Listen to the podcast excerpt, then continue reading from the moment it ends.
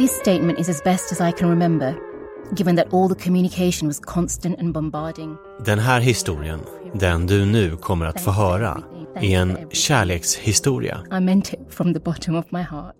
Det är en skruvad kärlekshistoria. Fylld av död, lögner och vittnesskyddsprogram.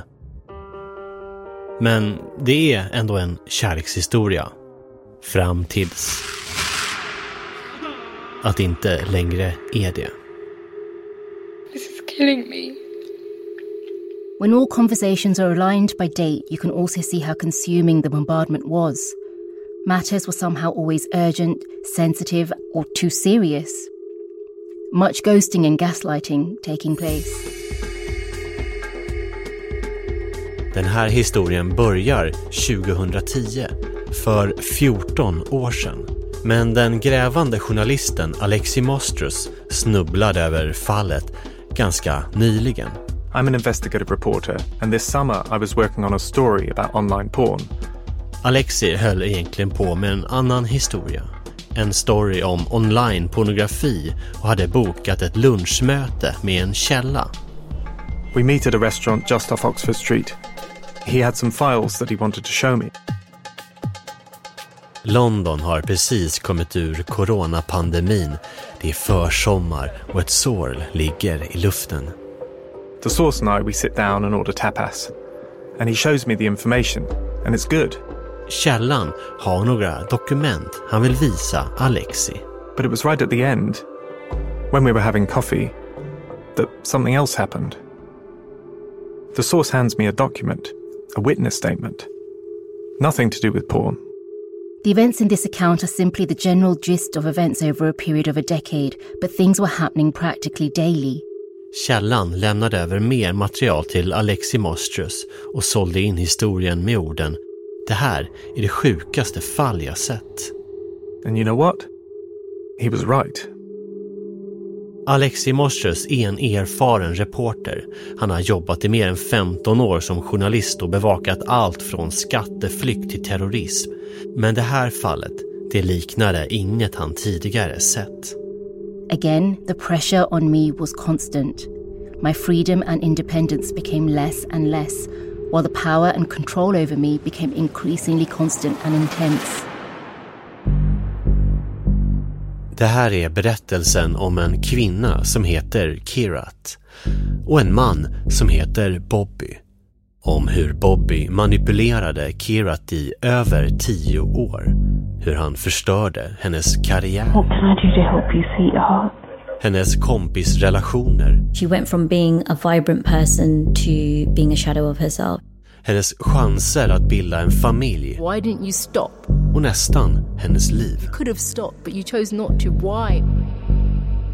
Det här kanske började som en kärlekshistoria. Men det slutar som något helt annat. Det här är Underbara Bobby. En podcastserie i sex delar av Tortoise. Översatt till svenska av produktionsbolaget Banda för Podmi. Jag som berättar heter Hugo Lavett. Första avsnittet. Tillfälligheter. Vill du veta sanningen om vem Bobby egentligen är? Då kan du höra alla sex avsnitt av Underbara Bobby nu direkt på Podmi. Besök podmi.com, starta ett Podmi Premium-abonnemang och prova kostnadsfritt i 14 dagar. This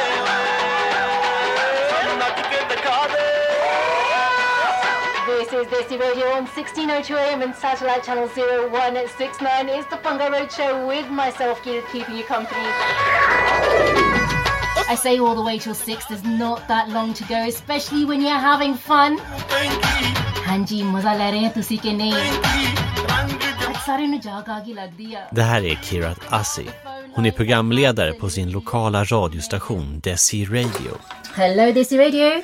Varje torsdag mellan två och sex sänder hon live. Oh, it's a dad's birthday. What's his name? Det är mycket att hålla reda på, men Kirat är ett proffs. Okay, I'll definitely get one on for him. Um, you might not get through. You might have to wait around on the phone.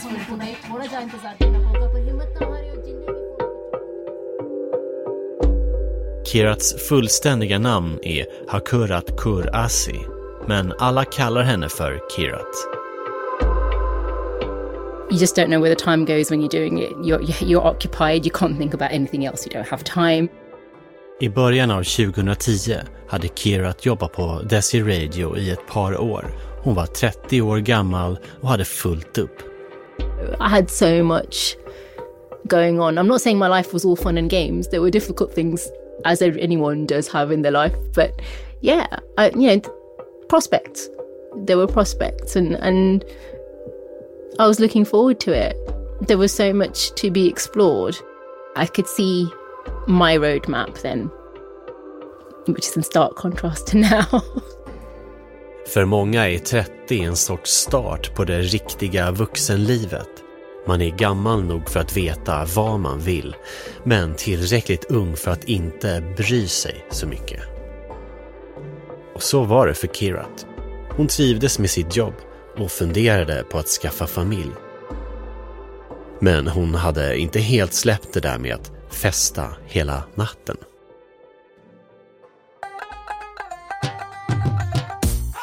There used to be a regular night called Bombo Bronx. Um, it used to be once a month, and all of us would kind of get together. No matter where we were, what we were doing, we'd all end up there. You know, that was a standard. You go there, you chill out, have a laugh. You know, come back four, five o'clock in the morning, still get up in the morning to go to the office at eight o'clock in the morning. that was a standard. Lots of nights like that. Med det sagt så var livet inte helt bekymmersfritt. Kirats föräldrar kom inte så bra överens. En farbror som hon var nära hade blivit sjuk. Förutom lokalradion jobbade hon med att organisera evenemang och det var ganska stressigt, men hanterbart.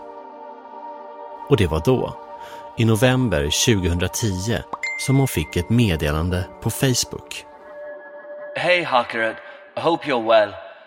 It's JJ's brother. Hope you got the message from Simran regarding a note that he had written. He'd always put in a good word for you. You got his better side. Looked up to you as a big sister, as he told us. Kind regards, Bobby. Det kom oväntat för Kirat. Men det var inte helt taget ur luften.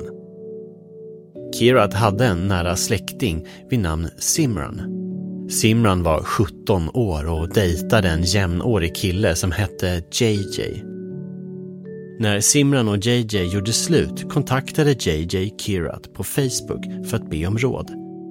Hur ska han få tillbaka Simran? Kirat svarade och hon och JJ började skriva till varandra, några meddelanden i veckan.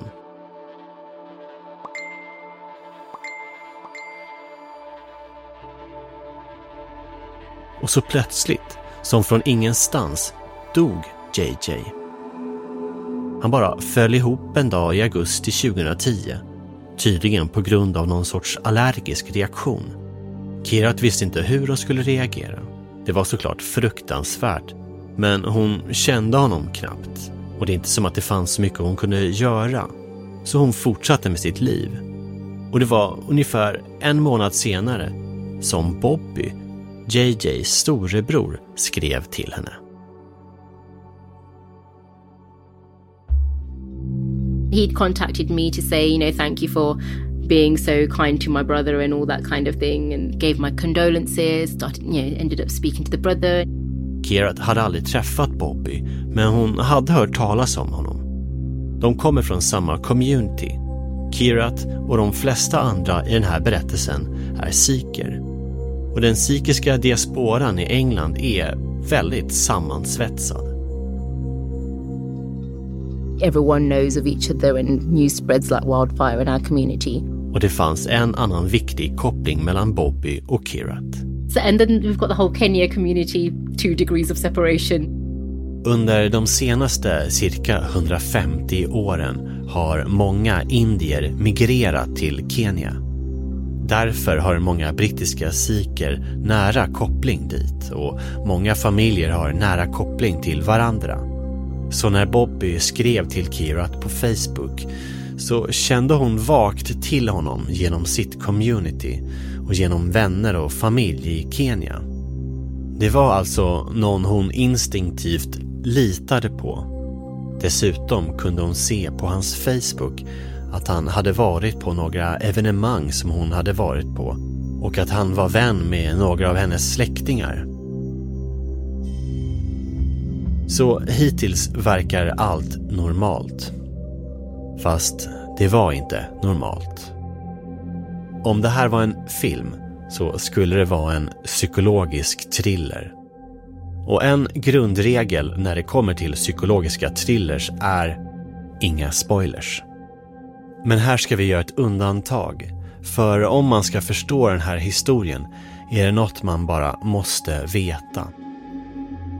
Att lita på Bobby i det här läget var förståeligt. Rimligt. Inga konstigheter. Han var en vän till en vän på Facebook. Men för Kirat visade det sig vara ett livsavgörande misstag. Och här kommer spoilern. Bobby är inte den han utger sig för att vara. Bobby var en karaktär. En central karaktär i en avancerad catfish-verksamhet. Det betyder alltså att någon låtsades vara Bobby online med intentionen att dra in Kirat i ett spindelnät av lögner. En så sofistikerad bluff att alla de experter, advokater och kriminologer som du kommer höra i den här podcasten aldrig sett något liknande. Oh my god, where to start? What the hell has been going on? It's, it's truly remarkable. I den här dokumentärserien kommer vi ta reda på hur och varför det här hände. Och för att göra det måste vi ta det från början.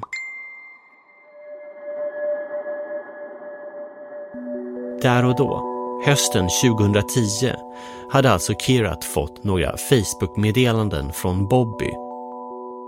En stilig kardiolog som nyligen förlorat sin lillebror. He was the good big brother who did everything right. It was, you know, like, you know, oh, he's the goody goody, he's married and he can't do anything wrong. You know, he's always doing the right thing by the family. Men med tiden började samtalet förändras. He started talking to me more regularly and things were going wrong in his life. He was confiding in me. Sorry to disturb you. I just needed help and thought of you first. För Kirat ringde inga varningsklockor. Hon och Bobby hade gemensamma vänner hon kände till hans släkt och han var gift, så någon flört verkar inte handla om. Och att Bobby kände ett förtroende för Kirat var tydligt. What can you do? You be kind to somebody, right? He's just lost his brother. I didn't have any reason to question it. You know, we know the family exists. Again, there's mutual people who are on there. Obviously, our families are connected. While I didn't know him personally, there were people in between that I knew personally. It was a respectable family. It, it didn't have any reason to doubt it. And again, there was no reason to think that he was hitting on me or anything like that because he's a married man. Så de fortsatte hålla kontakten och Kirat och Bobby lärde känna varandra bättre. They learned his wife was expecting a baby. He was super, super happy. He was know, working in a hospital at the time, and downtimes he'd like message me on Facebook. We had conversations about what he wanted to call the baby, if it's a boy or a girl, and I, I did find it a bit strange that he was talking to me about it because it's something that you should be talking to his wife about. Den grävande journalisten Alexi Mosters försöker förstå hur Kirats och Bobbys relation utvecklades. Uh, how many times a day were you speaking to him at this point, or a week? I mean, we weren't talking every day. It was just whenever he approached me, so to speak. And the thing is, it wasn't like a Facebook Messenger situation necessarily. So there'd be like a long message from him, then there'd be a long response from me, almost like you were pen pals almost. So it's not instant communication like you think of it right now. Alexi Mosters har under arbetet med den här podcasten gått igenom tiotusentals meddelanden mellan Kirat och Bobby. Han har tillbringat oräkneliga timmar i deras bubbla. And something that's interesting to me at this point is that Kirat wasn't being bombarded with messages from Bobby. Och något som slog honom var hur Bobby vid den här tidpunkten gick så lugnt fram. Inledningsvis var de bara som brevvänner. Again, you know, I never felt the need to ask for a phone number or anything like that. I didn't know where he lived. I didn't, I didn't know anything, to be honest. And I wasn't curious either because I didn't really need to know. Uh, you know, I had my own life going on here. So I was just being a shoulder to cry on. Månaderna gick och Bobby avslöjade för Kirat att hans lyckliga liv höll på att rasa ihop. Han gick igenom en skilsmässa och bråkade med sin familj och stressen gick ut över hans hälsa. Everything is just becoming all too much. Work, too. Just taken time off, made a few decisions. But I really wouldn't be where I am, taking the path without your wise words of wisdom. Drinks are on me when I'm back. Make that two rounds since I missed your birthday, too. Och när Bobby så öppet delade med sig av sitt privatliv började Kerat också prata. Hon berättade privata saker, till exempel om hennes partner som hon hade en av och på-relation med och om hur svår han var. Det kanske är svårt att förstå hur man kan komma någon så nära utan att ha träffats i verkliga livet. Men Kerat tillhör en generation som vuxit upp i en online-värld där relationer på internet kan vara lika naturliga och nära som vilken annan relation som helst. En skillnad är att om man möter en främling på stan och börjar prata så har man väldigt lite information att förhålla sig till. Men på internet finns det ju massvis med uppgifter. Man ser kanske vilka politiska åsikter hen har, hur gammal hen är. Det finns ett mönster att läsa av. Och allt det där kan du utnyttja för att komma någon nära väldigt snabbt. Vilket har sina fördelar, men också sina baksidor. För risken att bli lurad och manipulerad är uppenbar.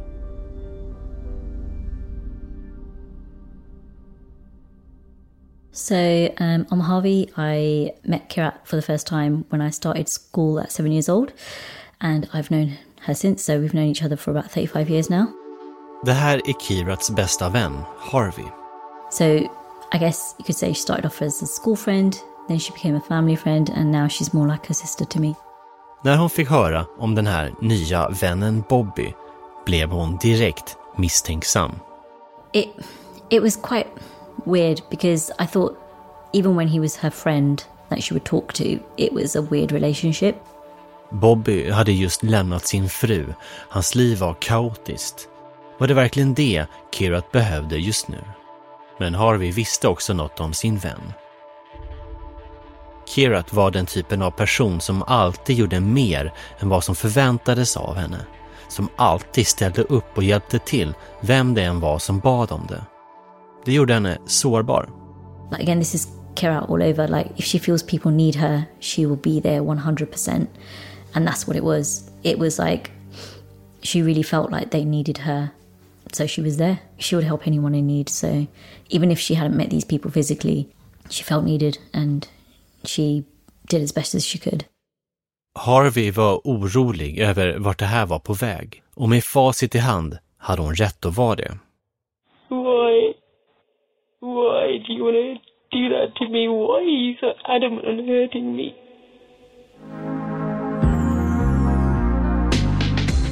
Have you ever wondered what might have been? Kommer du ihåg filmen Sliding Doors? Would things be different if you caught the train? Instead of Det är en klassiker från 90-talet med Gwyneth Paltrow i huvudrollen. Det är en film som handlar om ett enda ögonblick. Instead of 10 minutes late, Helen? I had just caught that train. I'd been home Och om hur livet hade varit om saker hade gått lite annorlunda vid just det tillfället. Filmen börjar med att Helen, huvudpersonen, stressar för att hinna med ett tåg hem. Men hon är en sekund för sen och missar tåget. Det är den första versionen. Sen spolar filmen tillbaka och den här gången, i version 2, hinner Helen med tåget och hinner hem precis i tid för att se sin pojkvän i säng med en annan kvinna. Filmen handlar om hur en bråkdel av en sekund kan förändra allt. Och så var det för Kirat. Hennes sliding doors ögonblick kom på våren 2011. Då var sanningen precis där framför henne. Men hon kunde inte se den.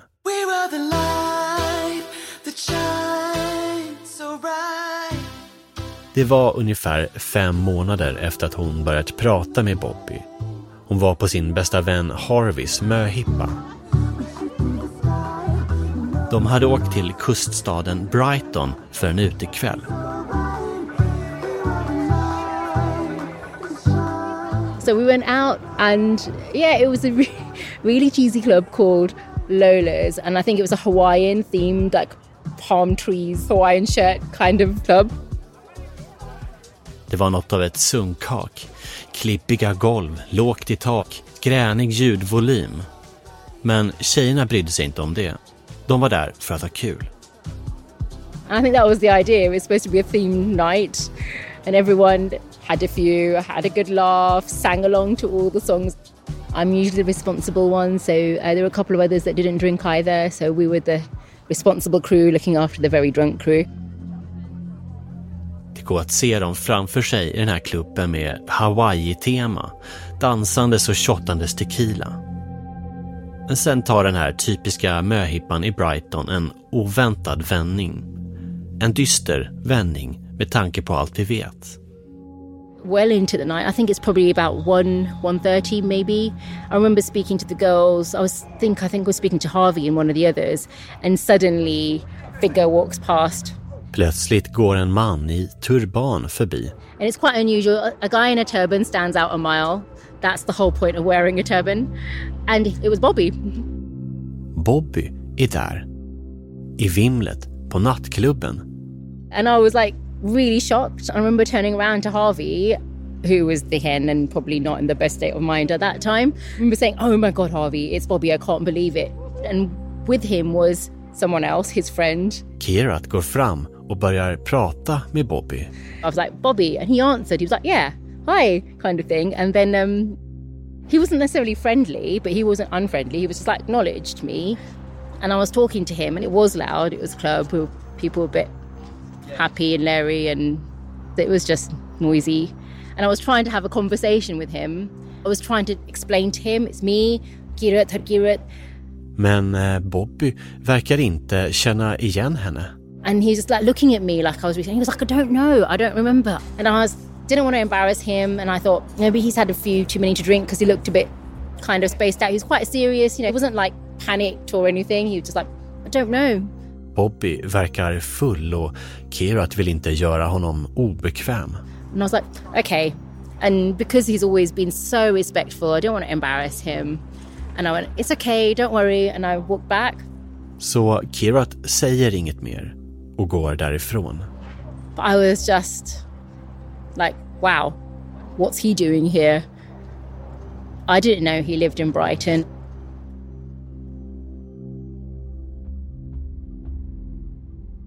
Det var ett galet sammanträffande. Och vet man vad som kommer att hända vill man bara gå tillbaka i tiden och rädda henne genom att skrika Bobby är inte den du tror att han är. För vid den här tiden var Bobby och Kerat bara vänner online. De hade bara skickat meddelanden i några månader. Ingen riktig skada hade skett. Och hade klubben bara varit lite tystare eller hade de träffats någon timme tidigare då kunde Kerat fått veta sanningen och räddat sig själv från mer än ett decennium av smärta. Men det blev inte så. Kirat trängde sig tillbaka genom folkmassan till sina kompisar. Bobby är berusad, tänkte hon. Jag ska inte skämma ut honom. Ändå kan man tycka att de borde ha pressat honom lite hårdare den där kvällen. Det var trots allt en kille som skickat meddelanden till henne i fem månader och sen beter han sig som han inte känner henne. Men det fanns en annan anledning till att Kirat släppte det. Kirat hade kontakt med flera personer som sa att de också kände Bobby, som bekräftade det han sa, personer hon litade på.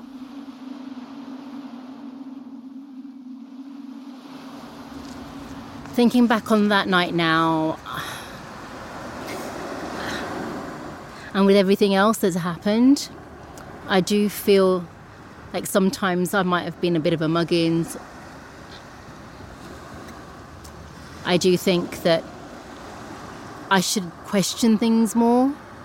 If I just pushed him and said, come on, it's me, and made him talk to me, I might not have had to go through the last 10, 13 years that I have. It could have been so different.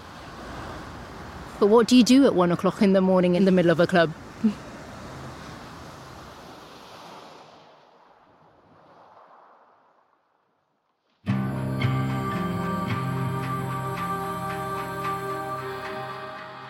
Vi är inte riktigt framme vid slutet av första avsnittet än. För en viktig sak hände vid den här tiden. Efter Brighton distanserade sig Bobby från Kirat. Han flyttade till Australien och förlovade sig med en ny partner. Kirat blev inbjuden till hans bröllop i Kenya. Hon kunde inte komma men såg bilder från ceremonin på Facebook. Under tiden fortsatte hon med sitt liv och fick jobb på St. Mary's University och fixade evenemang.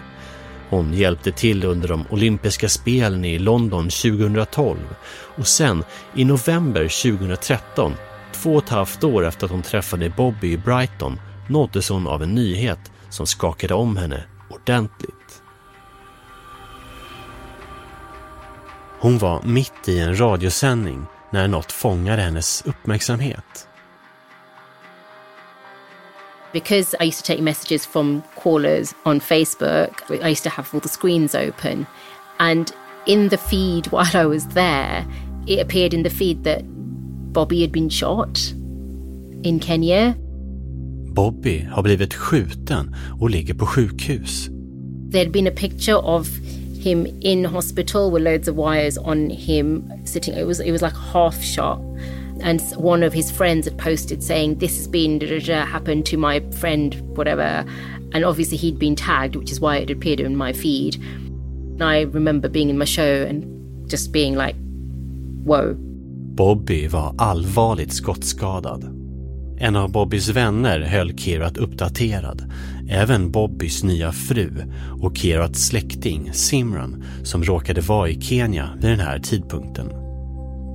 Under de kommande veckorna kunde Kerat läsa inlägg om hur Bobby gick in och ut ur koma. Hon kände sig hjälplös, fast i ett annat land. Ständigt i väntan på att få veta hur han mådde. Men en dag, efter flera veckor, vaknar Bobby. I remember that you used to be my brother's friend. He had told me lots about you. Please help where you can. Feels as though I've just lost a great relationship. Det var ett av de första meddelandena som Bobby skickade till Kirat efter att han vaknade upp ur koman. Han sa att han hade förlorat sitt minne, eller åtminstone delar av det, och bad Kirat att samla ihop bitarna. Hur länge är det nu de känt varandra?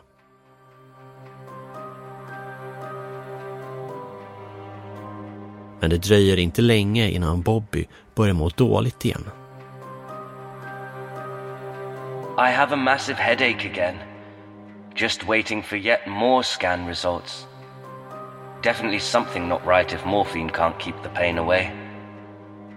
he'd gone back into a coma basically after he'd had a headache and they'd taken him back in and i'd been the last person to speak to him like message him have communication with him so we knew that Bobby hamnar i koma igen.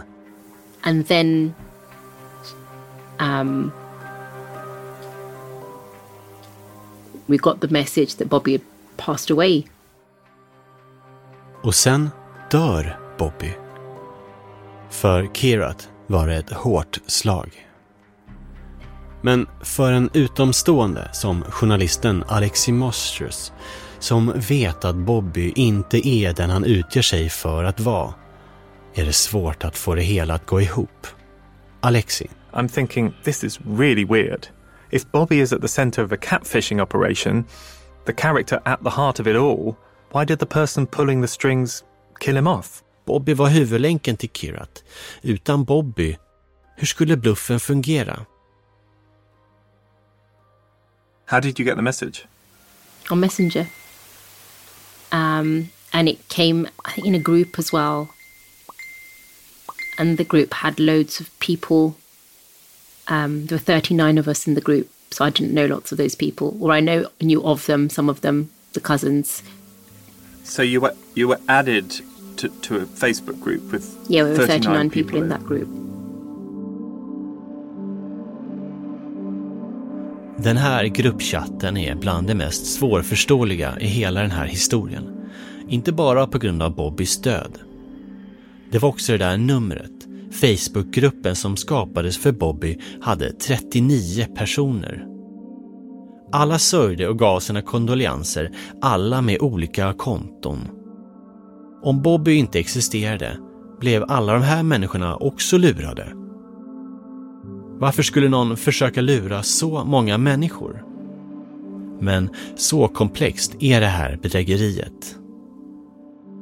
Tänk om alla de här personerna också var fake. I mean, when when I first came across this case, it was it was like an epic. Det här är Chris Hand, professor i psykologi vid Glasgows universitet. You know, it was like something like War and Peace with this massive cast of characters and för Chris Hand påminner det här fallet nästan om en klassisk rysk roman med ett myllrande persongalleri. what was compelling to me was how an individual would be able to create this world by drawing on reality. And I think these cases are so compelling because they often just pull in enough from what's happening in real world with real people to again just give it that flavor of authenticity. Och Catfishen verkar ha inspirerats på samma sätt som en romanförfattare av verkliga personer för att skapa sina karaktärer och bygga sin värld. Under de kommande fem avsnitten ska vi följa journalisten Alexi Masters kartläggning av den här helt osannolika catfishing-historien och söka svar på de frågor som Kirat än idag ställer sig. För historien är inte avslutad. Kirat vet än idag inte varför det här hände henne. Journalisten Alexi Masters kommer jaga personen som gjorde det här mot henne och till sist ställa de frågor som Kirat har plågats av. Men också för att det kan finnas andra offer.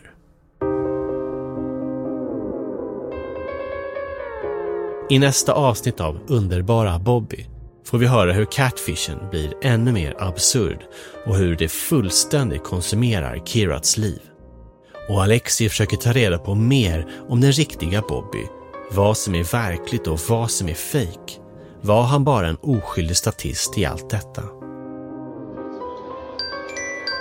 Ja, just det. En sista grej.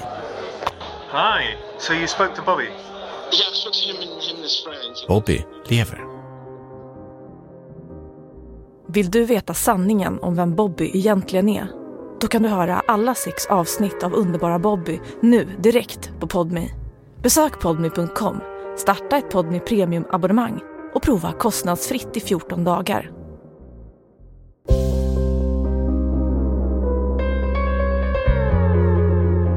Du har lyssnat på Underbara Bobby, en poddserie av Tordoise. Översatt av produktionsbolaget Banda för Podmi.